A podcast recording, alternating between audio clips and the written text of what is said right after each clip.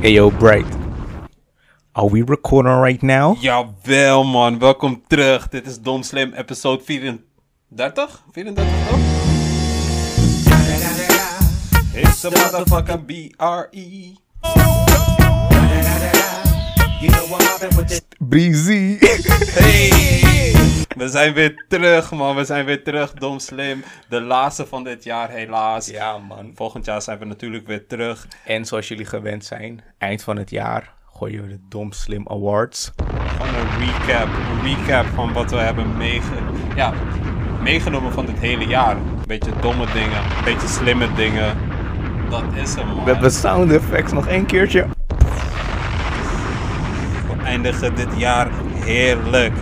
Busy. Chris, wat is het eerste subject wat we gaan behandelen? Oké, oké. We, hebben, we hebben een paar categorieën. Eventjes voor de luisteraars. We hebben ehm, de categorie domste persoon slash moment van het jaar.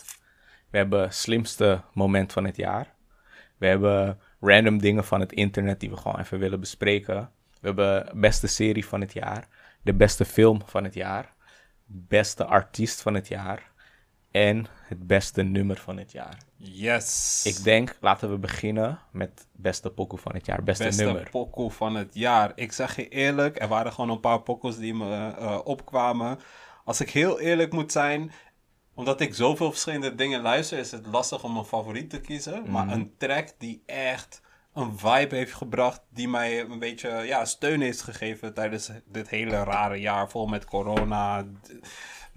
Landen vallen elkaar aan. Het, het was gewoon een heel raar jaar. Soweto Blues van Jules. Ehm, dat is wel echt voor mij een banger geweest, man. Die heb ik echt non-stop gedraaid het hele jaar door. Wat een vibe, man. Heerlijk. Ik ga echt goed op die pokoe. Wat we sowieso hebben, eh, we hebben niet alleen ehm, sound effects, we hebben ook de muziek die we kunnen luisteren. Yes. Waarschijnlijk niet op YouTube, misschien wel, af- afhankelijk van de copyright strikes en zo. Maar sowieso op Spotify, dus check het daar. Maar voordat we die track van jou laten horen, ehm, we hebben, of ja, jij had bij deze categorie een paar suggesties. Mhm. Bij mij was het echt al sinds ik dit nummer heb gehoord, Ik wist het al. direct mijn favorite van het jaar. Eh, het is True Love van Wizkid. We gaan hem zo gooien. Yes. Maar jij hebt nog een paar andere. Dus ik ga ze gewoon eventjes benoemen. Dan kan je iets meer vertellen. Oh, yes. Ehm, Ehm Soweto Blues van Jules. Die gaan we zo afspelen. Dan MCM. Ik weet niet van wie die is. van eh, NSG. NSG, oké. Yes. Je hebt de vakantie van Dope Boy. Ja. Je hebt Mob Ties van RV. En je hebt van DJ Clock, Pluto, Remember You. Ja, man. Ehm, MCM Bag, dat is gewoon... Dat was echt een clubbanger. Die had echt sowieso de hele club afgemaakt. De hele club scene was kapot gemaakt door Als deze we open waren. Als we open waren. Helaas was dat niet het geval. Ehm, de tweede track, dat was volgens mij ehm, RV. Eh, ja, Mob Ties RV. Mob Ties RV. Beat, heel sterk. Lyrical, punching. Dus eh, ja, ik ging heel lekker op die pokoe. Vakantie Dope Boy. Vakantie Doughboy. Vakantie. Ik ben, ja, voor heel veel mensen klinkt dat raar, maar ik ben wel op vakantie geweest dit jaar. En eh, ik heb er heel erg van genoten. In augustus ben ik naar Italië geweest, heel klein dorpje met een, eh, een groep vrienden. En ik heb daardoor alsnog wel ook mijn vakantie kunnen vieren. En daardoor, door die vakantie, heb ik eigenlijk heel vaak die pokoe vakantie van Doughboy geblazen. Maar ook die Pluto van DJ Klok. Pluto, DJ Klok. Zuid-Afrikaanse eh, collab tussen twee artiesten. Heerlijk. Dat was voor mij een beetje die summer vibe track. Lekker bij het zwembad. Lekker aan het chillen. Oké, voor, eh, voor alle nummers, check de- beschrijving van onze aflevering. Je gaat alles terug kunnen zien. Maar nu even Soweto Blues van Jules.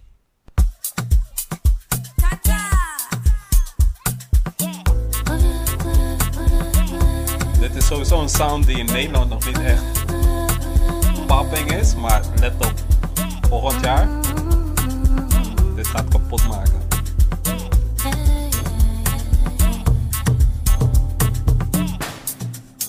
Come outside. Let the darkness of the world escape your eyes. Give it all away, it ain't meant for your one to no one. Yeah, yeah,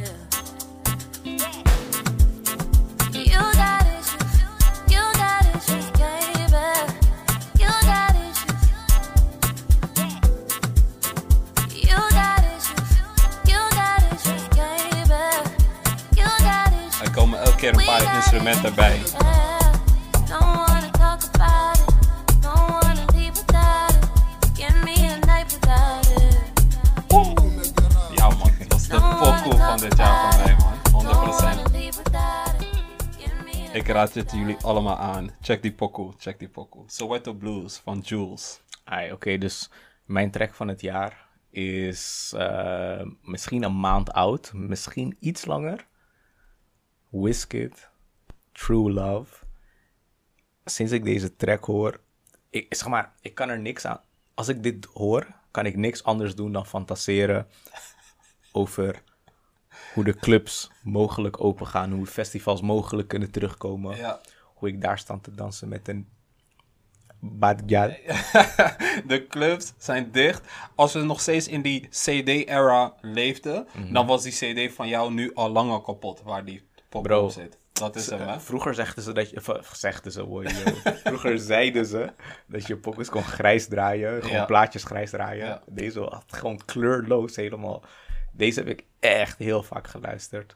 Ehm Big.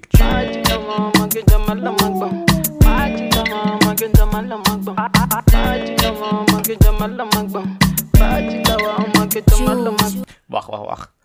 Als je deze eerste 10 seconden gehoord hebt. Ik kan gewoon niet geloven dat je heupen niet bewegen. Dus Dit run is- it back, Hey, DJ, dit is pull up. echt zo'n pokoe, man. Weet je wat dit voor pokoe is? Wacht voordat je hem speelt. Mhm. Zeg maar, ehm, je gaat naar de club en het is al, het is al best wel aan. Mhm. Maar het is nog niet in, die, in dat hoogtepunt van de Dit, avond. dit start. Dit is zeg maar die half twee zo. Mm. Jullie zijn een beetje laat binnengekomen. Mensen hebben net hun jacka in die loco gezet. En je komt binnen. Je bent al panja, want je hebt ingedronken.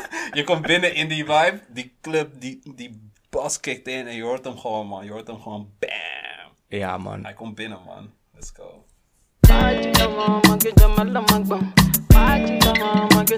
Hey, hey, Chris. Hou nog even, hou nog even bier voor mij, man. Gaat lekker, man. My days when I'm not with you, babe. Ooh, your love keeps me warm. Unconditional prisoner, number one. Your love give me something I want. You want give me something to feel. You want give me something that's real, so true love. At the end of the day, this is true. True love, deep in my soul. You're dangerous. How can I trust? Still, I want more. True love.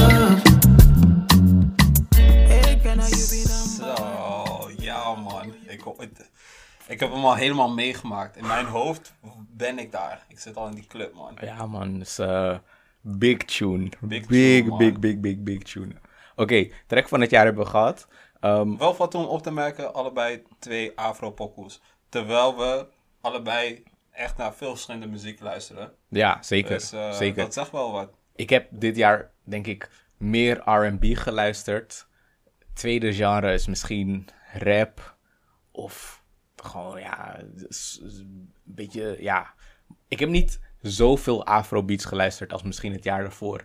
Want dit jaar was het ook veel binnenzitten. Niet echt in die Ja, partymodus.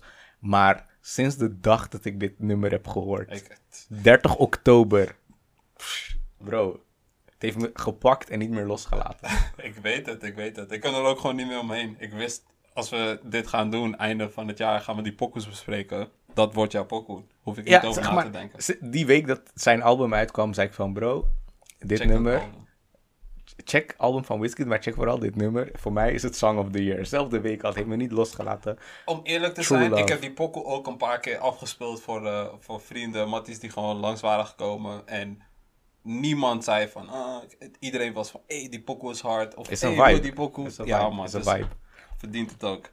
Oké, eh, sinds we toch bij het muziekonderwerp zijn, we hadden ook nog eh, artiest van het jaar. Ja. Dit jaar was voor muziek best wel een raar jaar, omdat doordat er geen shows zijn en artiesten hun albums niet kunnen toeren, is er weinig qua belangrijke muziek gedropt. Ja. Ik heb het idee dat heel veel artiesten hun shit zeker de grote namen, gewoon even bewaard hebben. Kijken wat er volgend jaar gaat gebeuren. 100%. Of ze een tour kunnen plannen en dan gewoon geld kunnen verdienen aan hun muziek. Ja. Dus ehm, de aantal namen die ik heb toegevoegd zijn vooral mensen die dit jaar, die ik heb dit jaar meer ben gaan waarde- waarderen. Of die ik heb ontdekt. Mhm. Maar ik heb niet het gevoel dat er een grote naam is die het jaar heeft gedomineerd. Wat we vorig jaar wel hadden. Ja, Vorig jaar, even kijken. volgens, ehm, mij, volgens mij dat echt... even kijken, dit waren, on- dit waren onze eh, genomineerden. We hadden Lil Nas X. Die man is verdwenen. Where he at? Gone. We hadden Burna Boy, hij was de winnaar. We hadden Mac The Stallion en we hadden Drake. Alle vier hadden ze het jaar gedomineerd qua wat er uit, eh, uitgekomen is. Qua hoeveel mensen over hun spraken. Mac Ehm, Thee Stallion heeft dit jaar ook gedomineerd. Ze heeft wel muziek uitgebracht, maar gedomineerd? Ik weet het niet. Qua, hoor. qua female artist heeft ze wel echt moves gemaakt. Want zij heeft een paar eh, tracks die heel viral zijn gegaan op Twitter. Savage, Savage Remix was echt een big thing. Mhm. En volgens mij had ze ook nog iets waar dan zo'n TikTok-challenge op was. Ja, en nu heeft ze ook een maand geleden een track gedropt. Die Bariari Yari, die gaat Ja, ook ja, ja, ja. dom. Ja, Ze- ze- maar kijk, weet je wat het wel is? dat album van haar is dus dit jaar gedropt. Ja, haar album is echt twee weken terug uitgekomen Ja. of zo. Maar wat WAP, Whereas Post, Whereas- die was zeker wel impactvol. Ja. Maar doordat je ook nu meer bent aangewezen op de muziek die je zelf luistert en niet de muziek die je dan hoort als je in de club bent, Mhm. ergens uit bent, ehm, heb ik het gevoel dat dingen meer, minder impact maken. Ja, zeker, Want zeker. bij eh, de artiesten die we vorig jaar hadden, zelfs als je. Even, even sirenes. Hitte. Maar zelfs als je niet een fan was van die artiest, Kon je niet omheen. werd je gewoon niet. ehm, ja, werd je gewoon niet, niet met hun in contact gebracht. Ja, dus je kon er niet omheen, inderdaad. Dus ik ben geen fan van Lil Nas X, maar eh, Old Town Road heb ik kapot vaak gehoord. Dat Waar ik ook keek, ik hoorde het. Hetzelfde met Burna. Ja, ik ben wel fan van Burna, maar je, je snapt me wel. Ja, man. Anyway, terug naar de artiesten van dit jaar. Om diezelfde reden, ehm, voor mij, imp- de artiest die meeste impact heeft gemaakt is Pop Smoke. Mhm. Hij is in februari ehm, gestorven, doodgeschoten. En ik zelf, als iemand die niet echt een grote Pop Smoke fan is, heb zoveel dingen van hem gezien. eh, zeker binnen de hip-hop scene. Zoveel gesprekken gingen over hem. eh, de sound die aan hem wordt toegewezen. Hij heeft echt het jaar gedomineerd. Ja. Zijn album staat al kapot veel maanden in de charts. Ehm, zonder dat hij hier fysiek is. Ja, Andere artiesten waar ik zelf achter ben gekomen of, ehm, of heb ontdekt dit jaar ehm, is Giveon. Hij had begin van dit jaar denk ik zo'n refreintje of een, of een outro op een eh, Drake track. Daarvoor had ik hem nog nooit gehoord. Deze man heeft de stem, de stem van een engel. Hij kan echt goed zingen. ja. En eh, ja, fucks with his music. Jouw artiest van het jaar, of is eigenlijk geen artiest, maar een groep. Ja, man. NSG. NSG heeft afgemaakt. Dat album wat ze hebben gedropt, Roots, bangers. Ehm, het komt niet vaak voor dat er een album wordt gedropt waar elke track hard is. Maar dat was wel het geval bij dat album van NSG, Roots, R-O-O-T-S. Check het. Je gaat helemaal in die club vibe. En daarom vind ik het jammer dat dit jaar zo raar is geweest. Want deze pokkels hadden afgemaakt in de club. Ik weet het 100%. En ehm, ja, we moeten eigenlijk hopen dat als we volgend jaar wel de clubs weer eh, eh, in kunnen, dat we een soort van second life kunnen geven aan de tracks die dit jaar zijn uitgekomen, maar nog niet tot hun volle potentie zijn. eh, ehm, ja. Alsof dat ze een jaar blijven zitten. Gewoon nog man. eventjes Zet ze gewoon even in de vriezer, even wachten. 2021, komen we weer terug. En dan hebben we die pokkels van dat jaar en die harde pokkels van het jaar daarvoor, waar we niet echt los op konden gaan. Dat is... eh, dat is Oké, wat oké, ik hoor je. Ehm, los van deze twee, die we zeg maar voor ons dan de artiest van het jaar zijn. ehm, ik had nog een paar mensen die ik dit jaar of heb ontdekt of meer ben gaan waarderen. Is een artiest, hij heet Blast, maar in plaats van een A schrijf je een X. Hij is een beetje, hij zweeft tussen rappen en R&B. Ik, ik heb niet het, ik- ja, ik, ik- het is nog gewoon te vroeg om te zeggen of ik echt denk dat hij heel groot gaat worden. Maar ik, ik vind het album dat hij heeft uitgebracht echt heel sterk. Dus eh I fucks with him. Ik heb nog niet van hem gehoord, man. Ja, misschien volgend jaar, misschien gaat het nooit iets komen, maar Ja. I really like him. En een producer die Knowledge heet, wederom in plaats van een O een X. Mhm. Iets met die X zelfs klinker. Ja. Maar ehm, hij was al echt al meerdere jaren een best wel eh, bekende producer. Of in ieder Ja. geval een producer die veel tracks uitbrengt. Ehm, maar hij, ik heb dit jaar een paar dingen van hem gehoord. Waar ik, ik wist niet dat hij dat deed, maar hij neemt dus freestyles die gewoon van straatrappers zijn of van oude video's van Meek Mill. Mhm. Dat Meek Mill nog niet gesigned is en met Braids had gewoon echt die YouTube-video's. Ja. Hij produceert er een beat onder en maakt er dan een pokoe van. En ik had dat concept gewoon nog nooit eerder gezien. En ondanks dat ik niet alle nummers per se evenveel hard, hard vind, vind ik sommige echt wel dope. En eh, ja, gewoon nieuwe waardering voor hem. Yes. Ehm, waar ik hem dan van kende, is dat hij veel met Anderson Paak samenwerkt. En gewoon met hem een groep vormt. En alles wat hun maken, goud. Nice. Dus eh, ja man, fuck, fucks with knowledge. Ehm eventjes kijken. Maar wie, wie was van al die artiesten voor jou nummer 1? Nummer 1. Ja. Ja, ja grootste, grootste impact, denk ik, Pop Smoke. Ja. Hij heeft echt een hele korte periode bekendheid gehad. Toen hij nog leefde. Mhm. Maar eigenlijk vanaf het moment dat hij dood is gegaan, is zijn, zijn status en ook zelfs gewoon. heeft mythische proporties aangenomen. ja. Ehm, dus ehm, voor in mij... de hip-hop wereld, Artist of the Year, zonder dat hij hier is. Dus ja, kan niet anders doen dan dat zeggen. Ik weet niet, toen, toen hij nog leefde... R.I.P. Pop Smoke. Toen hij nog leefde, checkte ik hem niet, man. Mhm. Ik checkte hem niet, want die eerste pokoe Dior... Ik weet niet, man, ik vond hem wel merk. Ik vond hem een beetje overhyped. Mhm. Ehm, toen was hij helaas overleden. En pas later, eigenlijk in de afgelopen drie maanden, check ik steeds meer muziek van hem. En dat is, het, ehm, dat is het voor mij. Vooral ook omdat hij echt een heel goed oor heeft voor, of had voor ehm, goede instrumentals. Dus daar ben ik een beetje achter de feiten aan gaan lopen en gaan beseffen van, yo, die guy kiest wel hele sterke beats. Voor mij is het altijd 80% instrumental, 20% is die lyrics. Die lyrics maakt voor mij eigenlijk niet echt uit, man. Die vibe, beat, dat is belangrijk. Maar eh shout-out naar Pop Smoke, man. Ja, RIP. man. Zeker. Ehm, dus Artist of the Year, laten we ze een klein applaus geven. Yes, yes, yes. Ai, dus ehm, volgende categorie. Jij mag kiezen. Gaan we voor films of gaan we voor series? Laten we voor eh, films gaan. Oké, I know, hoor, deze... Right. Yes. films of the year. Ehm een, eh, even een muziekje.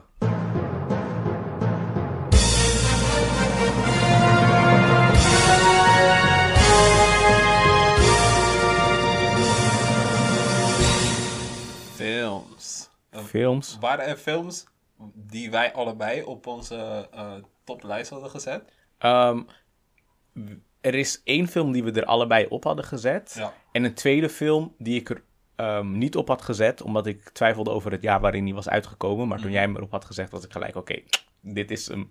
Ehm, dus ik ga gewoon van, van, ja, ik ga gewoon beginnen met de genomineerden. Yes. We hebben Tenet. Tenet van Christopher Nolan, Mhm. de welbekende regisseur. Hij heeft ook Inception, Interstellar, Memento, eh, The Prestige.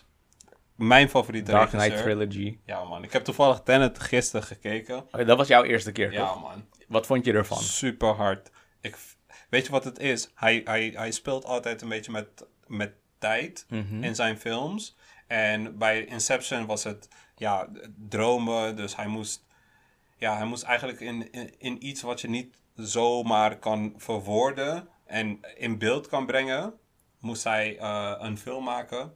Bij Interstellar was het verschillende elementen bij elkaar. Maar bij deze film, wat, er, wat ik er heel hard aan vond, is het feit dat omdat er bepaalde dingen zich achteruit afspelen in de film, moesten die acteurs ook, in plaats van dat die guy zo een punch geeft, moest hij die punch terugnemen. Achteruit leren geven. Achteruit leren. En de acteurs die in die film hebben ges- eh, gespeeld, die moesten ook leren hoe ze een soort van ja, reverse punch moesten geven. Hmm. Maar niet alleen punchen, maar ook koprolls en eh, gevechten. Dat, dat was allemaal zo goed ge, eh, ehm, gefilmd.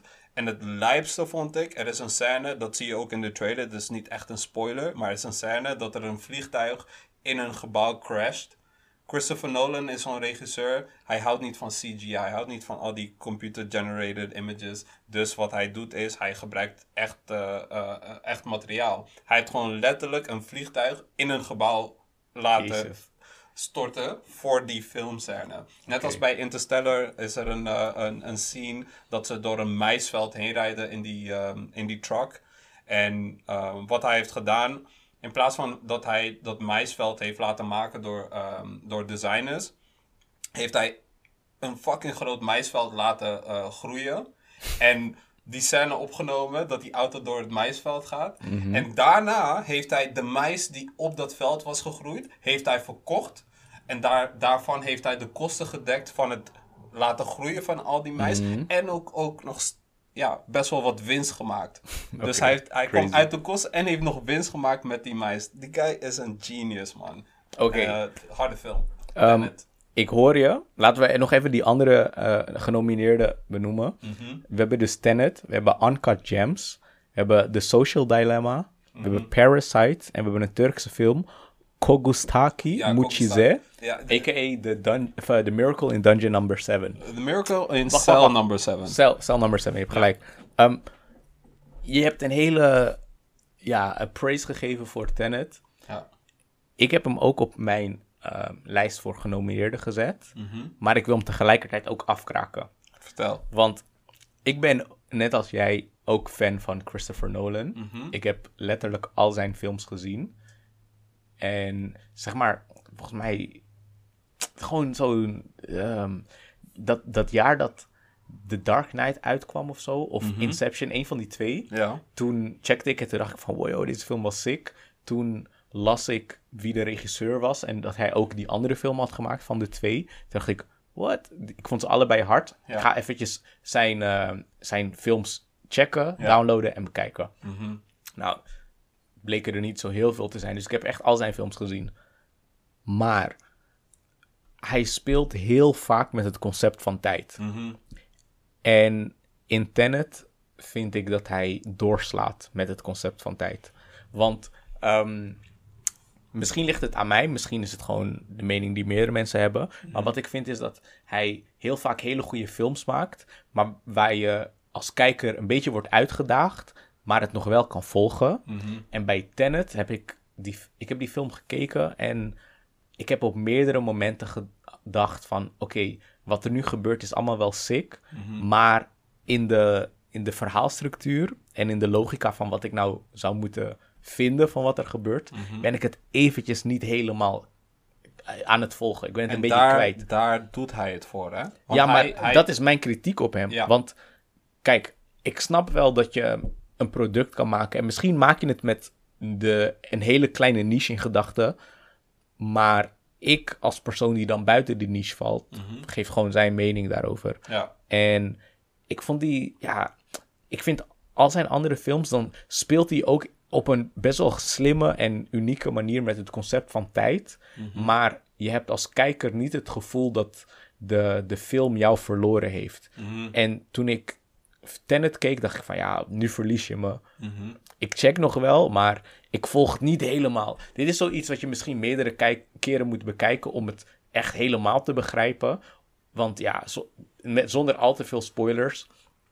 Je hebt een verhaal en de, de hoofdpersonages moeten iets oplossen. Maar ze moeten dit doen door terug te reizen in de tijd en dingen achteruit te doen. En ja, it's just, Weet je wat het, het is gewoon... Hij, Hij wil, hij, wil het net, net te ingewikkeld maken en dan verliest hij mij. Hij, hij, hij heeft op een gegeven moment... Want de films die hij heeft gemaakt in de afgelopen paar jaar... die zijn allemaal wel challenging uh, uh, Mhm. mentally. Dus je moet echt alles in de gaten houden... wil je die film begrijpen. En ehm, waar, waar hij is... Hij houdt zich heel erg aan het feit vast dat er verschillende uitkomsten en theorieën gemaakt kunnen worden over die film. Dus er is nooit een duidelijke lijn. Net als hoe eh, Inception aan het einde eindigt met die tol. Mhm. Je weet niet of die plat gaat of dat die blijft draaien of niet. Houdt het in het midden. Precies, en hij wilt die gesprekken, die theorieën, wilt hij gewoon door blijven laten gaan. Want uiteindelijk, wat hij ook eh, heeft gezet, gezegd, wat hem echt heel veel eh, ehm, eh, drive geeft, is het feit dat hij hij gaat ervan uit dat de kijkers van zijn films, die, die, die willen uitgedaagd worden. Stel je voor dat hij een film had gemaakt die heel makkelijk te volgen was, of makkelijk te volgen was net als zijn voorgaande films, dan zou het volgens mij, naar mijn mening, dan zou het, ja, zou het een beetje tegenvallen, omdat in de vorige films wo- worden gechallenged en bij deze is de challenge even groot als de vorige films, of misschien wat minder. Dus hij mag die stappen naar wat, wat gecompliceerdere films mag hij maken, want anders wordt hij zelf ook niet uitgedaagd. Tuurlijk, hij mag doen wat hij- hij wil. Als hij hier zeg maar zijn creatieve energie van krijgt, Ja. echt more power to him. Ja. Maar ik als kijker en consument denk van oké, En die film ik, had ik ook- vind je films goed, maar ja, nu wilde je gewoon te veel in te weinig tijd proppen. Die film had ook heel veel gespleten reviews. Mensen waren van, nou, echt een kakka-film. Andere mensen waren geweldig. Zit hier aan tafel. Jij zegt geweldig. Ik denk van, nou, you, Dit laat precies zien you waarom do- die you've film... done better. Ja, man. Maar die film heeft... Ja, die, die heeft uiteind, eh uiteen, uiteen, uiteenlopende meningen Mhm. eh, heeft hij naar boven gebracht. En dat vind ik het harde aan zijn werk. Want hij maakt dingen die hij hard vindt. Mhm. En mensen kunnen daar zelf een beetje een eigen interpretatie aan geven. Zonder mee te gaan met de studio van hoe kunnen we een film maken die zoveel mogelijk mensen meekrijgt en die iedereen wel goed begrijpt. Nee, hij krijgt gewoon een, een smak met geld en hij maakt wat hij tof vindt. Zonder Ja, maar daar zeg maar- te veel over na te denken. Dat vind ik het harde eraan. dat is zeg maar wie hij is geworden. Want hij heeft gewoon een status en eh, zeg maar binnen de filmwereld dat hij alles kan doen. En je krijgt budget, doe je ding. Mhm. Maar ik denk wel dat je ehm, ja, als kijker nog een soort van kritiek kan hebben. Van ja, tuurlijk vind ik vind het Tuurlijk. dope wat hij allemaal bedenkt. tuurlijk. Maar nu denk ik gewoon, je, je hebt het te complex gemaakt voor mij om er echt 100% van Hij te heeft zelf ook genieten. gezegd dat dit voor hem de meest challenging film was tot nu toe. Om Mm. al die scènes zo op te nemen en dat hele... Om het zo te maken dat het nog steeds wel klopt. Mhm. Dat was gewoon heel challenging. Voor Ja, de man. hele crew. Oké, ehm, we hebben nog een paar andere. Ik zeg, laten we Parasite bespreken. Want dat was één film waar ik dan weer van zeg... Deze klopt van begin tot einde. Mhm.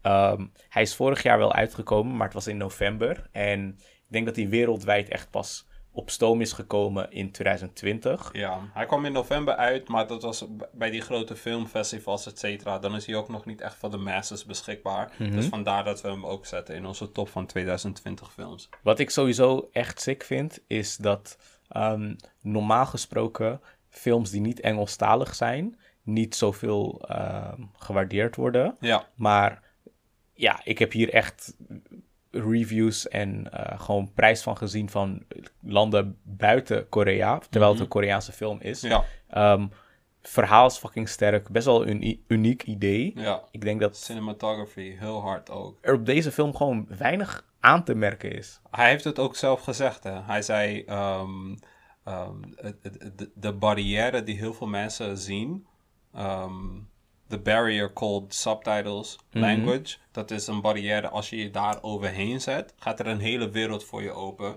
in de wereld van films. Want heel veel mensen die zien een film en die denken van, oh ja, dat is niet in het Engels of in het Nederlands of whatever, dus niet interessant voor mij. Maar zodra je daar overheen gaat zetten, wat ook weer een koppeling maakt naar de andere film die we ook zo meteen gaan bespreken. Get out of your comfort zone. Volg die subtitles. Want Maar weet je wat grappig is? Ja. Omdat wij in Nederland zijn opgegroeid en zeker op jonge leeftijd nog niet echt Engelstalige shit konden begrijpen, zijn we al gewend en geconditioneerd om naar ondertitels te kijken en die shit gewoon te volgen. Dus de stap om dan een, ehm, ja, een niet-Engelstalige film te bekijken is best wel laag. Terwijl ik in, ehm, in Amerika is er één zo'n ja, Instagram model of zo, ik weet niet waar zij beroemd van is. Maar zij werd echt geroost omdat zij Parasite wilde kijken nadat hij allemaal ehm, Oscars had gewonnen. Maar ze maakte dan een Instagram post van I'm not watching this shit, subtitles. eh. Dus mensen gingen haar een beetje vlammen. Maar voor ons is het echt ja, ondertiteling. Ja, sinds je geboorte ben je daarmee verschilt opgegroeid. ook echt. Als je bijvoorbeeld kijkt naar Frankrijk of Duitsland. Alles al- overheen gesproken. Alles heb je gewoon een stem die er overheen gaat in de taal van dat land. Klopt. Maar in Nederland, heb, ik, daar ben ik echt blij om. Dat er een stap terug wordt genomen en die subtitles eronder worden gezet. Zeker. Want ik denk ook dat wij daarom beter Engels spreken en begrijpen. Zeker, zeker, Want we zeker. zijn er comfortabel mee.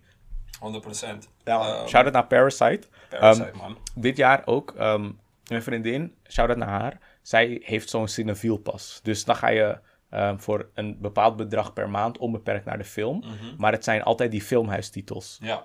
Dus ik ben met haar ehm, dit jaar naar een Franse en Italiaanse film geweest. Zonder haar suggesties zou ik die films überhaupt nooit, ehm, nooit gecheckt hebben, maar ook niet eens weten dat ze bestaan. Mhm. Beide films, fucking goed. Ehm, die, die Duitse film, ik zei net Frans en Italiaans, Frans, maar ik bedoel ja. Duits en Italiaans. Die Duitse film ging over zo'n advocaat die iemand moest verdedigen, maar die man had dan een, ehm, een oorlogs... Nee, hij moest iemand verdedigen Mhm. voor moord, maar de persoon die door die man vermoord was, hij wist op, de- op het moment dat hij die zaak aannam nog niet wie, om wie het ging. Mhm. Maar toen hij eenmaal met die zaak bezig was, kwam hij erachter dat het dus een soort van familievriend van hem was. Ah, dus de opa van een familie waar hij als kind echt kwam. En die opa was ook nog een van de rijkste mannen van Duitsland. Dus Ja. veel pressure en media-aandacht. op Ja, hem. ja, ja. En ehm, die, te- terwijl, het, ehm, eh, terwijl de rechtszaak behandeld werd, kwam er allemaal shit van de Tweede Wereldoorlog en connecties en zo. Die film heet volgens mij Der Val Collini. Echt fucking goede film. Maar als je mij een jaar geleden had gezegd, yo Chris, wil je Duitse film kijken? Ik zou echt denken, waarom zou ik een Duitse film kijken? Toen ik die film had gezien, liep ik de bioscoop uit en ik dacht echt wel, yo, deze film was fucking eh, goed. Ik had het ook hetzelfde. eh, met school gingen we naar het filmhuis. We hadden een Franse film gecheckt. ging over ehm, eh, een paar mensen die in de gevangenis waren. We, we stapten die film uit en waren allemaal van... Oh, dit is, Is dat-. Jij hebt me over deze film verteld in Profet, toch? Yo, Deze film, film- was zo ziek. Meesterlijk. Wat een zieke film, man. Ik heb wel, ik heb wel meerdere ehm, niet-Engelstalige films gezien. Maar je weet toch, op mijn middelbare school had ik niet echt een goede relatie met het vak Duits. Dus ik was echt best wel Zo, Ik had anti-Duits. het gelijk gescot. Same, Frans, beste. Same, beste. maar ik heb wel een paar Franse films gezien. Ik heb La Casa de Papel gekeken, dus Mhm. ook iets Spaans. Ehm, ja, met anime check je ook wel eens iets Japans, ondanks Ja. dat ik nu niet echt into anime zit. Maar die film, goeie. Top. Ehm, laten we die andere nog even snel behandelen. Social Dilemma, die Turkse film Kogustaki Mucize en Ja. Uncut Gems. Yes. Die Turkse film, tranentrekker. Bro, Je gaat janken. Bro. Dus Mattie van mij, eh eh Mehmet, shout-out naar Mehmet. Hij was van, hey Bright, check die film, check die film. Ik was van, oké, ja, ja, ja, ik ga hem checken.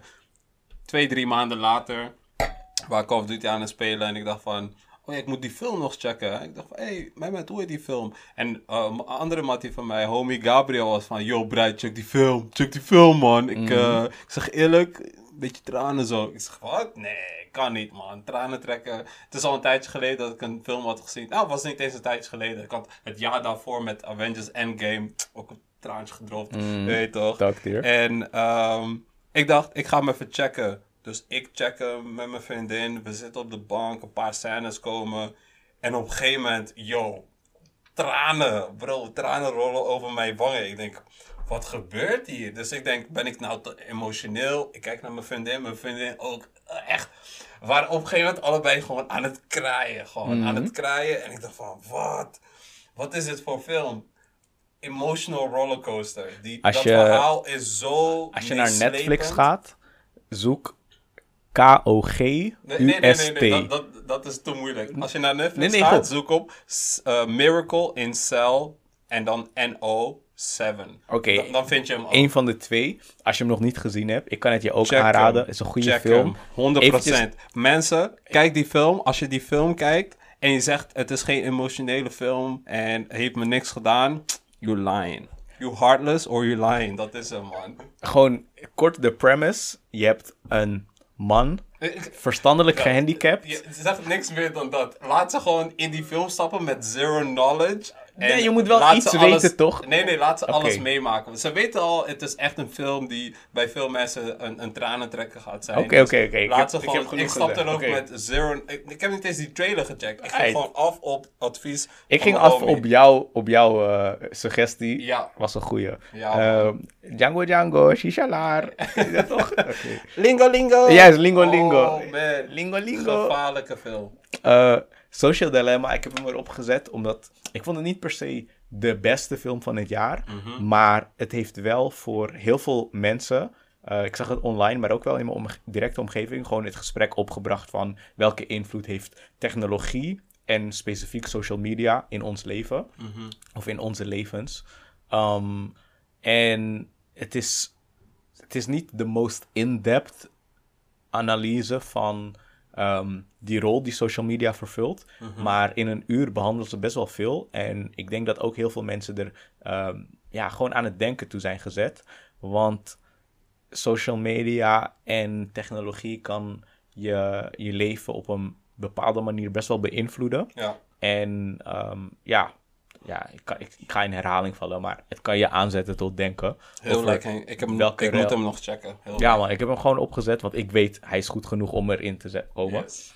Ehm, en dan de laatste, Uncut Gems, Ja. is ook zoiets dat in 2019 is uitgekomen, maar echt in december.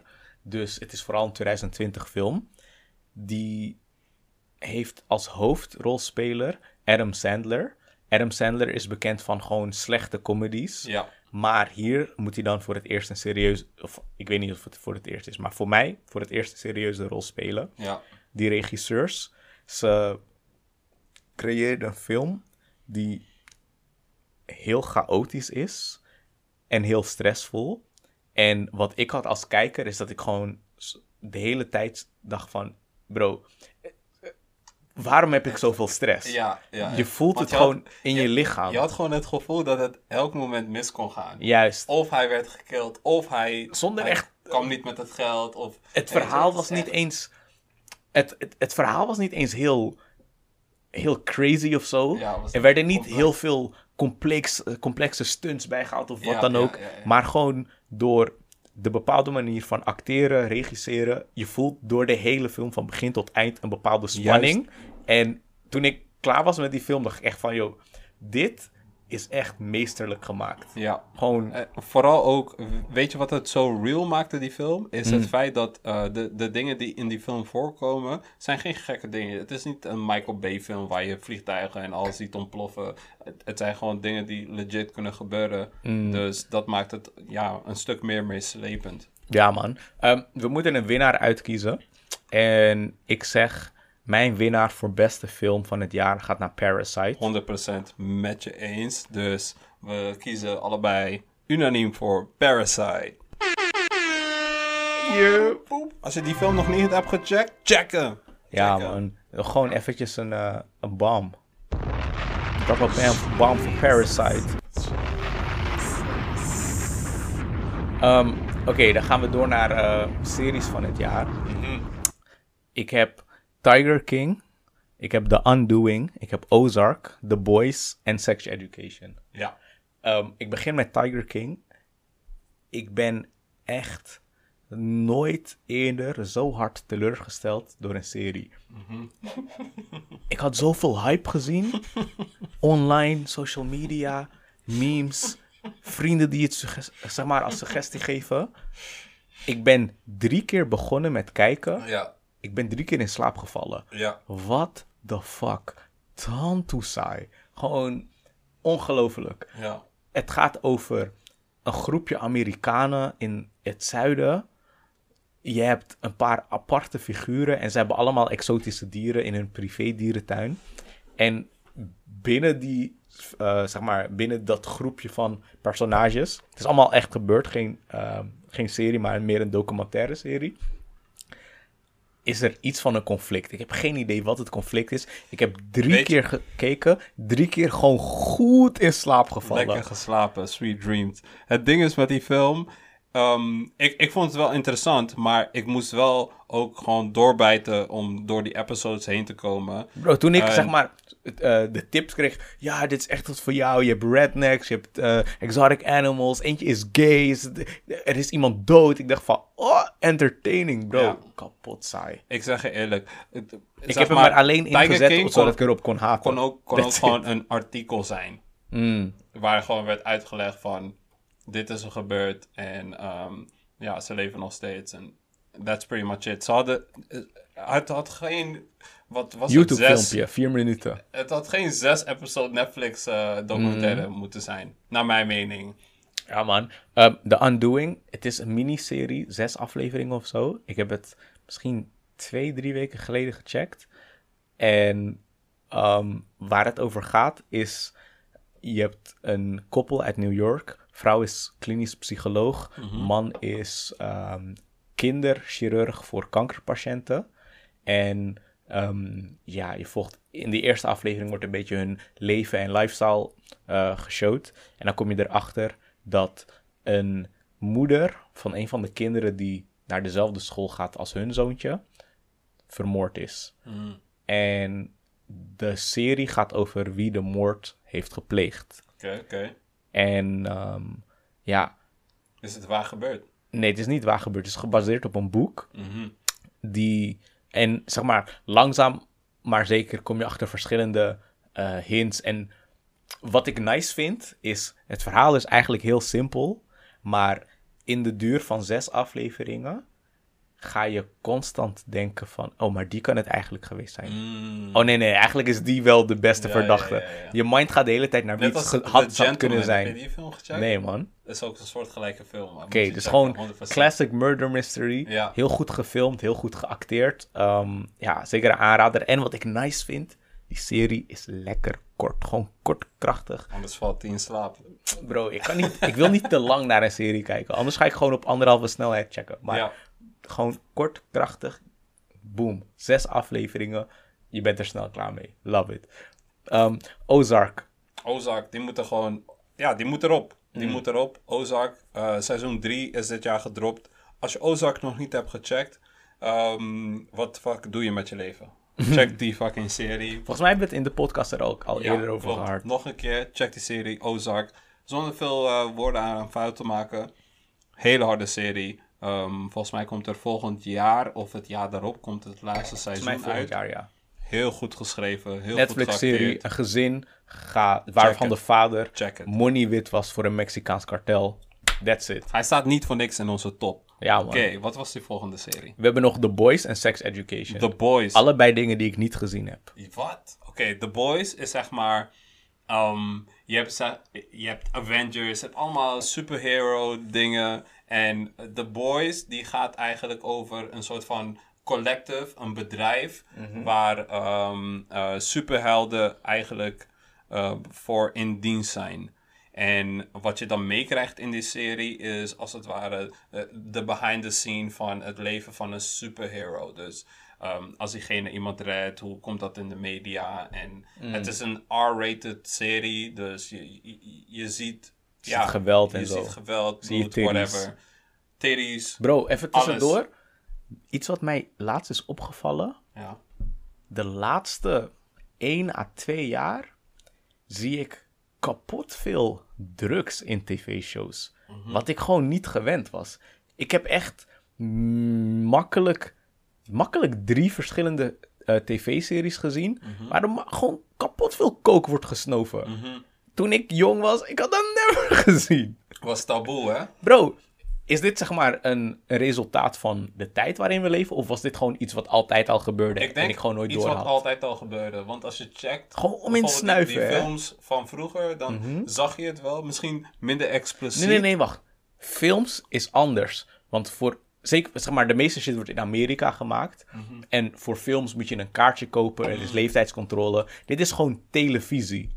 Oh, als het gaat om series, dan is er wel wat, eh, wat veranderd. Maar ik denk dat dat vooral is omdat ehm, ehm, vroeger tv-series, whatever, die moesten wel veel minder grof geweld en drugs laten zien, omdat tv het grootste medium was. Dus niet je was, er was geen Netflix, er was geen YouTube.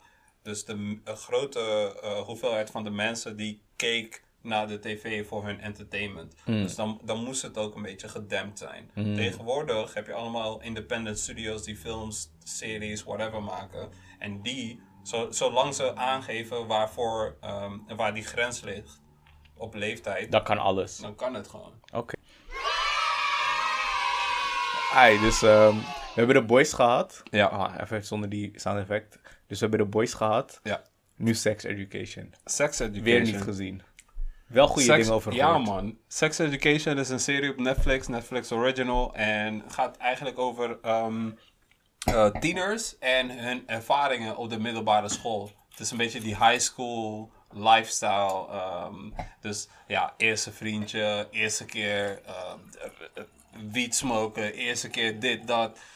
Dus wat die serie heel hard maakt, is het feit dat de dingen die daarin gebeuren, ehm, zijn dingen die of jij hebt meegemaakt, of jij hebt een vriend of vriendin die in zo'n situatie kwam. Allemaal relatable. Heel relatable, heel goed gefilmd, goede soundtracks, ehm, hele goede acteurs en actrices in die serie. En ehm, als je ook kijkt naar de ratings, het is een hele sterke serie. Ik kan niet wachten op het volgende seizoen, man. Oké. Aanrader. Ehm, maar wie gaat, eh, wie gaat de kroon pakken? Mm. Wie wordt de Tiger King? Kan je nog één keer ehm De genomineerde. Oké. genomineerden opnoemen? Tiger King. The Undoing. Ozark. The Boys. Sex Education. Voor de luisteraars. Zeg maar, we komen wel samen tot de lijst met genomineerden. Maar we beslissen van tevoren niet wie er gaat winnen. Mhm. Dus ehm, ja, wie gaat hem pakken, man? Ik denk omdat wij allebei Ozark op die lijst hebben gezet. En omdat die serie cinematography-wise, ehm, qua sound, qua feel, look en feel, hoe het geschreven is, allemaal heel sterk. Dan moeten we volgens mij wel voor die gaan. Ja, man. Ja, toch? was ook mijn, eh, mijn inbreng. Precies op dezelfde reden. Ozark is de enige waar we het allebei over eens zijn. De enige die we allebei gezien hebben. Yes. En van hebben genoten en op de lijst hebben gezet. En ik denk ook gewoon dat Ozark oprecht een van de beste shows is die nu nog op tv is. 100%. Ja, man. Ehm, dan de grote twee. De naam van onze podcast. Dom Slim. De Domste. domste en de slimste, Slimste. personen of momenten van het jaar. Oké. I think that deserves a bomb. Alright, alright. Laten we beginnen met het domme moment. Ik, ik, ik vind zelf dat het domste moment van dit jaar, kijken naar hoe het Nee, jaar nee, nee, is gelopen. Je moet niet zeggen wat je al vindt. We moeten eerst de mogelijke opties zeggen, toch? Oké, oké. Ja, oké. Voor mij was het één optie. nee. nee. Oké. Anders de hele suspense weg. Dat iedereen weet wat je vindt. Oké, dus... ehm, de moord op George Floyd, Breonna Taylor... en gewoon die hele situatie met police brutality. Ja? Politiegeweld. Dat is één mogelijke. Tweede ding wat een optie is. Zitten we nu al in een categorie trouwens? Of? Dit is de categorie domste. Oké, oké, oké. Categorie domste. Categorie domste. COVID-19.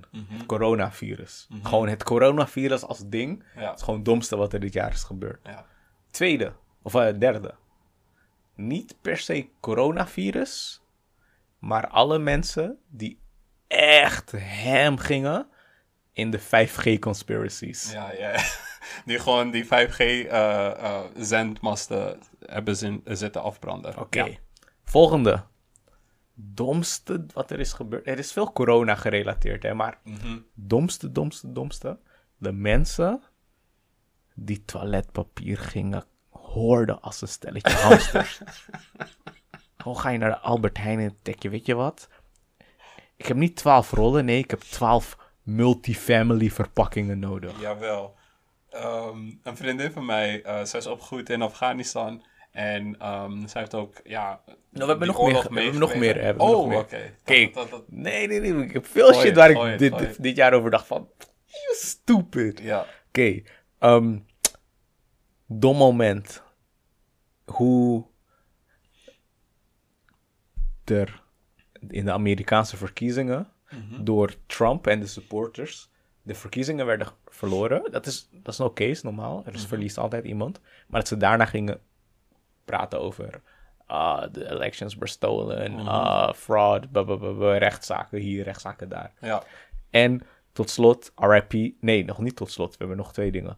RIP, Kobe Bryant, Gigi Bryant. De moment dat gewoon hun eh, helikopter gecrashed is. En gewoon de, de, ehm, de fans van Kobe, die dat jaar een verlies voelden. Mhm. Je hebt Huawei op de lijst gezet. Maar je hebt niet gezegd Waarom? wat dat ding is van Huawei. Ja, dat was nog een twijfelgevalletje. Ehm, eh, de reden waarom ik die op de lijst heb gezet is omdat, ja, they- fumbled the bag. Als in, zij hebben bepaalde moves gemaakt die ervoor hebben gezorgd dat zij nu... Want zij waren na Apple, waren, na Samsung, waren ze volgens mij de tweede grootste telefoonfabrikant tot het begin van dit jaar. Ehm, maar omdat zij dus ehm, in, in verschillende lagen van hun organisatie eh, bepaalde informatie wel toegankelijk hebben gemaakt aan de Chinese overheid, werden zij geblokkeerd in veel Europese landen en ook in Amerika. Waardoor ehm, Ze mogen ge- niet meer met Google samenwerken. ja, ze mogen niet meer met. Google samenwerken. Dus dat betekent dat ze geen Android mogen gebruiken. Mhm. Het besturingssysteem waar een groot deel van de wereld eh, van afhangt voor hun van de telefoons. wereld. Dus ehm, ja man, they fucked up. Dat is waarom ik eh zo op de lijst heb gezet. Dus jij was al heel, heel duidelijk van... Ik vind één ding het domste moment van het jaar. Ja. Ehm, wat was het? Ehm, voor mij was het het domste moment van het jaar. Maar ik ging ook echt letterlijk in, in als in, ehm, ja, de betekenis van het woord. Het domste moment van het jaar vond ik eigenlijk niet dat ehm, eh, Zoom het domste was, maar Skype. Skype, iedereen kent het al jaren. Oh, dit shit staat niet eens op onze lijst. Nee, nee, nee, maar wacht. Ik, ik heb per ongeluk Zoom opgestuurd, maar dat was voor mij een, maar die heb, bij, reminder. die heb je bij slimste gezet. Zoom? Ja, man. Oké, running back. Anyway.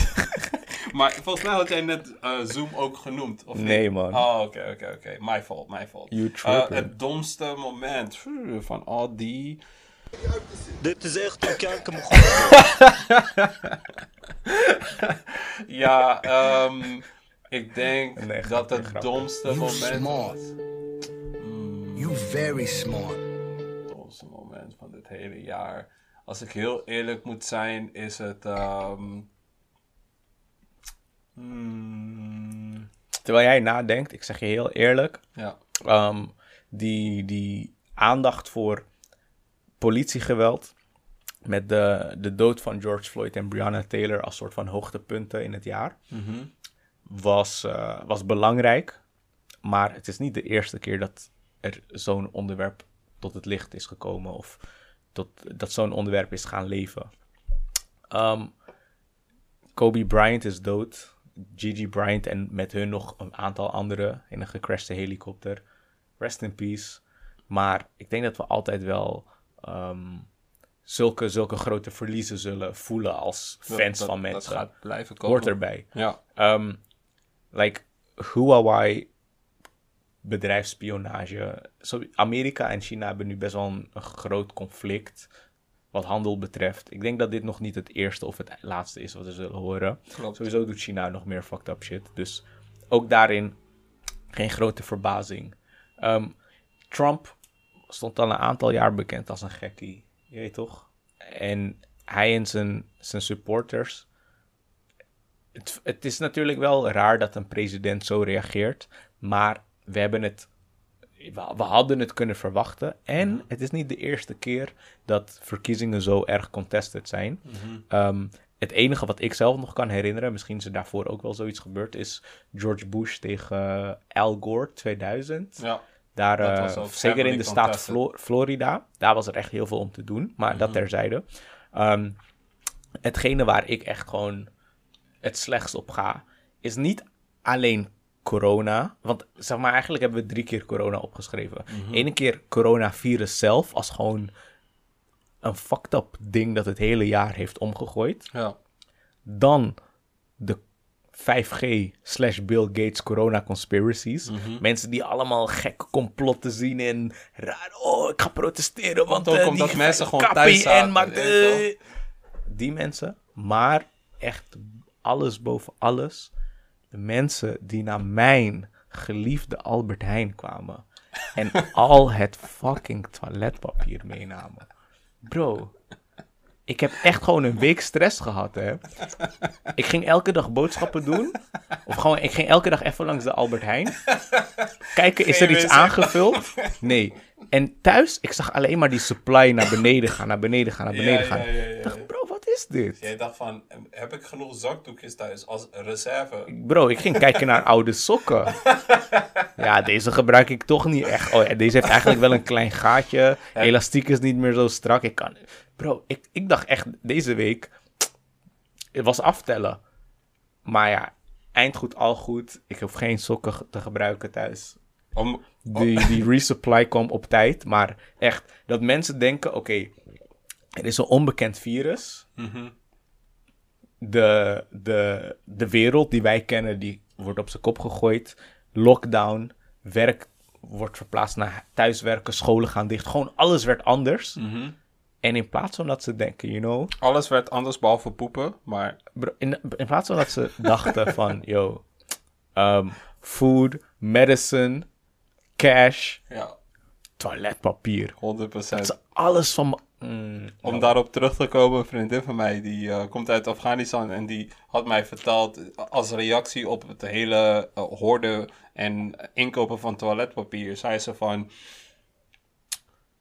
in Afghanistan in de jaren, is al meer dan, ik zou niet eens weten hoe lang, meer dan tien jaar sowieso, is er oorlog in Afghanistan. En zij zei van, ik heb nog nooit gehoord van familieleden of van vrienden van mij dat zij een tekort hadden aan toiletpapier. En daar was oorlog, bombardementen. eh, het, het ging daar veel heftiger aan toe dan deze crisis van Ja, dat is ook corona. zo. En maar- ze hebben nooit tekort gehad aan toiletpapier.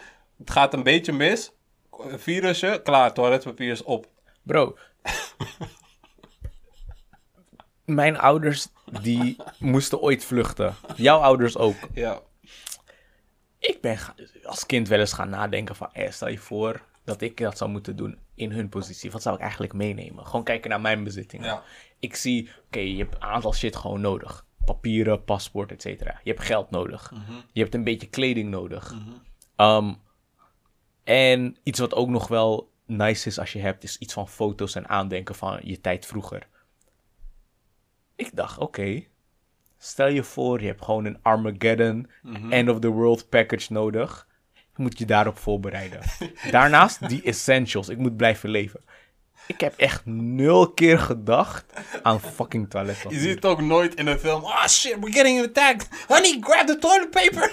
Yo. We're getting out of here. Bro, dat zie je bro. nooit. ik, toen ik op de middelbare school zat, ik had één klasgenoot.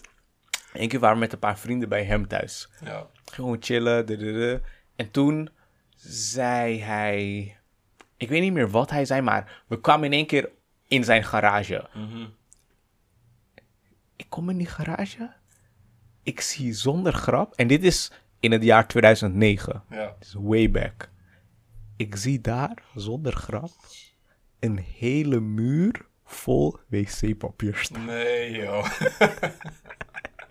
zij, zij hadden een inside tip gekregen over Bro. corona. Waar we aan Kill, deze mensen hadden zonder grap meer dan 100 rollen. Oh, de.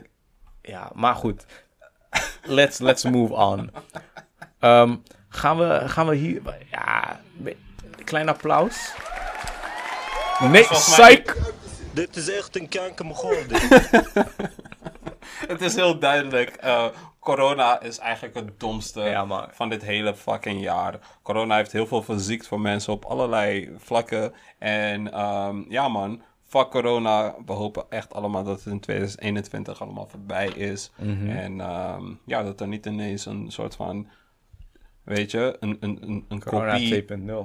Corona COVID-20. Zo kan het gaan, man. Laten we duimen dat dat niet zo gaat. People stay safe. Ja, man. Koop niet alle wc-papier, anders krijg je met hem te maken. Ehm, slimste moment van het jaar. Mhm. Ik, ehm, ik, heb er, een- ik heb er drie opgeschreven, maar de vierde die er stond, jij zei net dat het niet hoort, hè? want Zoom moest eigenlijk bij het domste. Zoom slash Skype. Ehm, ja, maar het, het, het Maar je kan bij- Zoom eigenlijk Kijk, wel als het om domste gaat, dan is het Skype. Mhm. Maar eh, als het om slimste gaat, is het Zoom. Ja. Want het ding is voor mij, pandemie. He- zo wat de hele fucking wereld moest vanaf thuiswerken. Skype bestaat al fucking, weet ik veel, 20 jaar. Domineren het online gesprekken, videocalls, whatever. Eigenlijk tot en met, eigenlijk voordat er eh, eh, FaceTime was, was Skype, zeg maar, het was het programma wat je gebruikte om videogesprekken te voeren met elkaar. Mhm. Dat wist iedereen. Komt een wereldpandemie.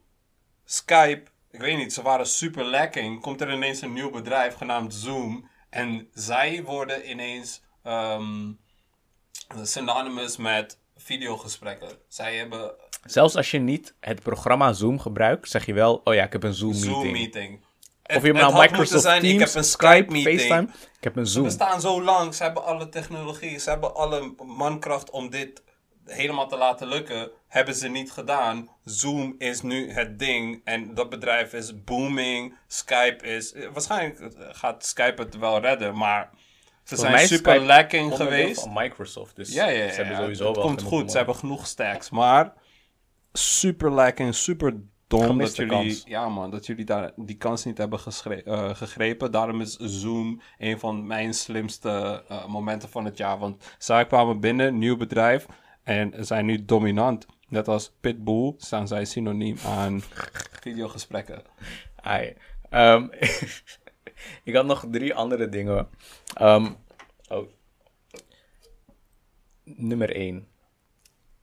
Het feit dat wereldwijd het begrip Karen een ding is geworden. Ik geniet daarvan. Ja, ja, ja. ja. Dat, zeg maar, een boze witte vrouw die overal over gaat klagen, die gewoon een beetje player-hating is. Mhm. Als je, als je zegt, ja, was zo'n Karen, iedereen weet wat het is. Maar ja, misschien als niet iedereen het weet, het is wel een, een term waar mensen eh, bekend mee zijn geworden. En dus niet alleen de term, want ja, of het nou Karen of Susan zou zijn, who cares. Mhm. Maar het feit dat er steeds meer beelden van gewoon, gewoon zo'n zo'n boze vrouw die gaat haten zonder reden, dat dat een ding is en mensen bewust zijn, I like it. Gekoppeld aan dat bewustzijn, ik zie in dit jaar echt een grote, grote influx aan mensen die online informatie delen. Mensen die ehm, meer bewust zijn van allemaal dingen die er in de wereld eh, spelen. Waar iets aan veranderd zou moeten worden. En dat, ik heb het waarschijnlijk al eens eerder gezegd in onze podcast. Maar ik vind het echt heel hard dat het in 2020 cool is geworden om socially conscious en sociaal, sociaal bewust te zijn. Ik zie mensen dingen posten over Oeigoeren, situatie in Jemen, de hongersnood. Niet zo heel lang geleden ging er via eh, Nigeria een hele campagne viral over End SARS. Ik bedoel, Nigeria is echt duizenden kilometers van ons vandaan. Maar dat wij bewust zijn wat er daar mis is en dat er wereldwijd gewoon een spotlight op komt. Ja. Ik voel die movement. Black Lives Matter is wereldwijd met om in protesten ehm, gewoon groot geworden. Ja. Ondanks dat het echt al jaren bestond ik kan niks anders zeggen dan dat ik dat activisme en eh, dat bewustzijn onder mensen van onze generatie, maar ook wel ja, gewoon de jeugd, de toekomst, dat dat leeft, vind ik mooi om te zien. En ik hoop dat er niet alleen iets blijft bij het activisme, maar ook bij ehm, ja, dat er gewoon iets tot stand komt, iets wat echt tastbaar is en waarvan je echt zegt, yo, dit moment heeft geleid tot deze verandering. Ja. Als we ja. over vijf jaar kunnen terugkijken en zeggen we, yo, dat jaar van 2020 was gewoon het startpunt voor alles wat er nu is gekomen. Dat lijkt me sick. En ehm, dat was ook een van mijn slimste momenten. En tot slot, een verhaal. Zeg maar, ik ben, ik ben niet echt een emotionele guy, maar soms dan hoor je dingen en dan denk je van, ja, het is gewoon zo'n feel good. Ik voel dit verhaal, ik voel het idee hierachter. Ja. En ja, dat gevoel van, je toch, saamhorigheid en zo, naast de liefde, pak me. Ehm, ik las, ik denk een halfjaartje geleden, iets over een Indianenstam in Amerika die in 1800 zoveel geld had gedoneerd aan Ierland, omdat er in Ierland zo'n eh, zo'n hongersnood was, potato famine. En diezelfde Indianenstam, die had ehm, door COVID best wel veel issues. Gingen mensen dood, slechte toegang tot gezondheidszorg, gewoon allemaal shit ging er fout. Ja. En ehm, die Ierse mensen, of eh, een aantal Ierse dokters, die waren bewust van zeg maar die donatie van echt die honderden jaren terug. Ja. Die donatie was kapot weinig, hè? Zeker, ja, inflatie meegerekend, maar 2 Die- dollar. nee, niet 2 dollar, maar het was 200 Nee, maar- dollar. ja. Of nou, 180 of zo. Ja. Was echt niet veel. Ja, man. Maar puur uit een soort van, ah, thank you, you helped my ancestors, Ja. hebben ze een campagne opgezet. Inmiddels is er al meer dan 2 miljoen dollar ingezameld om die Sterk. mensen weer te helpen. Sterk. Dus eh, ja, maar ik vond het gewoon, eh, ik vond het gewoon een mooi moment om te lezen. Ja, ik was er niet bij, maar gewoon, dat ik dacht van, yo, er is nog gewoon wat positiviteit in de wereld. Ik Trouwens, ik wil, ik wil bij slimste moment wil ik ook nog even, nog even iets erin gooien. In eh, the state of Georgia is er een familie ehm, die is begonnen met een eh, initiative waarbij ze ehm, verschillende andere black families hebben gecontact en samen geld bij elkaar hebben gezet om een heel gro- groot stuk grond te kopen. En ehm, daar te bouwen aan een, een soort van gemeenschap. Wat eigenlijk was gedaan eh, ehm, jaren terug. En wat uiteindelijk heeft geleid tot een, een, ja, een afslachting van die mensen. Ehm, mensen, als je daar niks over weet, zoek op ehm, Tulsa Massacre. T-U-L-S-A Massacre. En ehm, dat Is gaat Tulsa eigenlijk... niet in Oklahoma? Ja, ja, ja. Tulsa, Oklahoma, maar die familie die, Die kwam Georgia, uit Georgia. Ah, oké, got you, got you, got De you. familie in Georgia heeft zeg maar een, een soort van nieuwe stap gezet naar het creëren van een neighborhood. eh, waar, waarbij eh, de black people daar echt een kans hebben om een huis te kopen tegen een eerlijke prijs. Want het is nog steeds zo dat er in Amerika best wel veel discriminatie is op het gebied van eh, het, het huizen kopen en een lening krijgen om een huis te kopen. En eh, die familie heeft gewoon meerdere mensen bij elkaar gebracht en ze hebben echt een heel groot stuk grond gekocht en daar gaan ze een nieuwe community bouwen. Het is niet, oh, oh, die community is alleen black of whatever, maar ze geven de mensen die daar een huis of een stuk grond willen kopen, geven ze de gelijke kansen. Ja. Wat niet overal zo in Amerika is. Dus dat is voor mij ook nog een uh, slim moment van het jaar, man. Iets wat ik door dit gesprek wil toevoegen. Mhm. Omroep Zwart in Nederland. Ja. Gewoon een mooi initiatief. Ehm, de, de keer dat wij het erover hadden dat die omroep gestart werd, Mhm. hebben we dat losse onderwerp op YouTube gepost. Ja. Kapot veel haatreacties. Jee, mensen waren aan het haten. Oh, jullie... Wat, wat zei ze nou? Uh, Gewoon, ze zeiden van alles. Maakt niet eens wat we, ze wat ze, waren zeiden. echt aan het haten, aan het haten. Maar wat ik doop vind, en het, het is een beetje gelinkt aan dat mensen steeds meer bewust zijn en steeds meer willen doen om ehm, ja, de, de wereld waarin ze leven een, I guess, positievere slash inclusievere plaats te maken. Ehm, ze delen dat soort shit en ik heb gewoon nooit het idee gehad dat tien jaar geleden op dezelfde manier zou zijn opgepakt. Mensen dachten, ja, fuck it, whatever. Ja. Maar nu mensen zijn echt trots op waar ze vandaan komen. En dit is niet een zwart of wit ding, maar gewoon ehm, een wees bewust waar je vandaan komt, wat je geschiedenis is, wat je plaats is in deze wereld en wat kan je eraan doen om het voor iedereen beter te maken. Ja. En ehm, ja, zonder heel te sentimenteel te worden, wat ik nice vind is dat ze binnen de termijn die ze hadden opgesteld aan 50.000 leden zijn gekomen. Dat er nu door de, eh, ja, de officiële omroepcommissie, ik weet niet hoe ze heten, maar ik noem het even zo, ehm, besproken moeten worden. En wat ik hoop is dat we dan volgend jaar ingaan met gewoon een omroep, radio slash tv-zender, die Omroep Zwart heet. Qua naam is er veel kritiek op geweest, maar ook gewoon veel positieve berichten. En dat dat dan de plek zal zijn waar je alle kleuren samen zal zien. En dat dat voor het eerst in het Nederlandse tv-bestel zal zijn. Ehm, dat je verhalen van mensen met gewoon andere culturele achtergrond terugziet. Ja. En dat je gewoon een, een goede afspiegeling krijgt van de samenleving die er al is. Shout-out naar Omroep Zwart. Shout-out naar Omroep Zwart. Ik, ehm, ja, ik wil niet eens één specifiek ding kiezen als het beste slash slimste moment van het jaar. Ik gooi ze gewoon allemaal, ik geef ze allemaal de award. Woehoe, gedeelde eerste plaats. Ik gooi alle sound effects op ze. Ehm, nog één grote, grote, grote, grote, grote, grote, grote shout-out naar onze luisteraars. Naar de mensen die 100%. de vorige Dom Slim Awards ook hebben geluisterd. En yes. Um, shout out for rocking with us this year. Op naar volgend jaar. En um, Tom Slim Podcast, YouTube, Spotify, Instagram, Instagram, TikTok. TikTok. je Ehm, weet ons te En vinden. als je geen van al die platforms hebt, kan je ook naar anchor.fm slash domslim. Ja man, je weet ons te vinden. Hopelijk tot volgend jaar. Yes. Geniet van kerst. Geniet van oud en nieuw. Ik weet niet wat je gaat doen. Ik hoop dat je veel plezier hebt. En ik hoop je volgend jaar weer als luisteraar terug te krijgen. Damslim. Of ik zeg Damslim.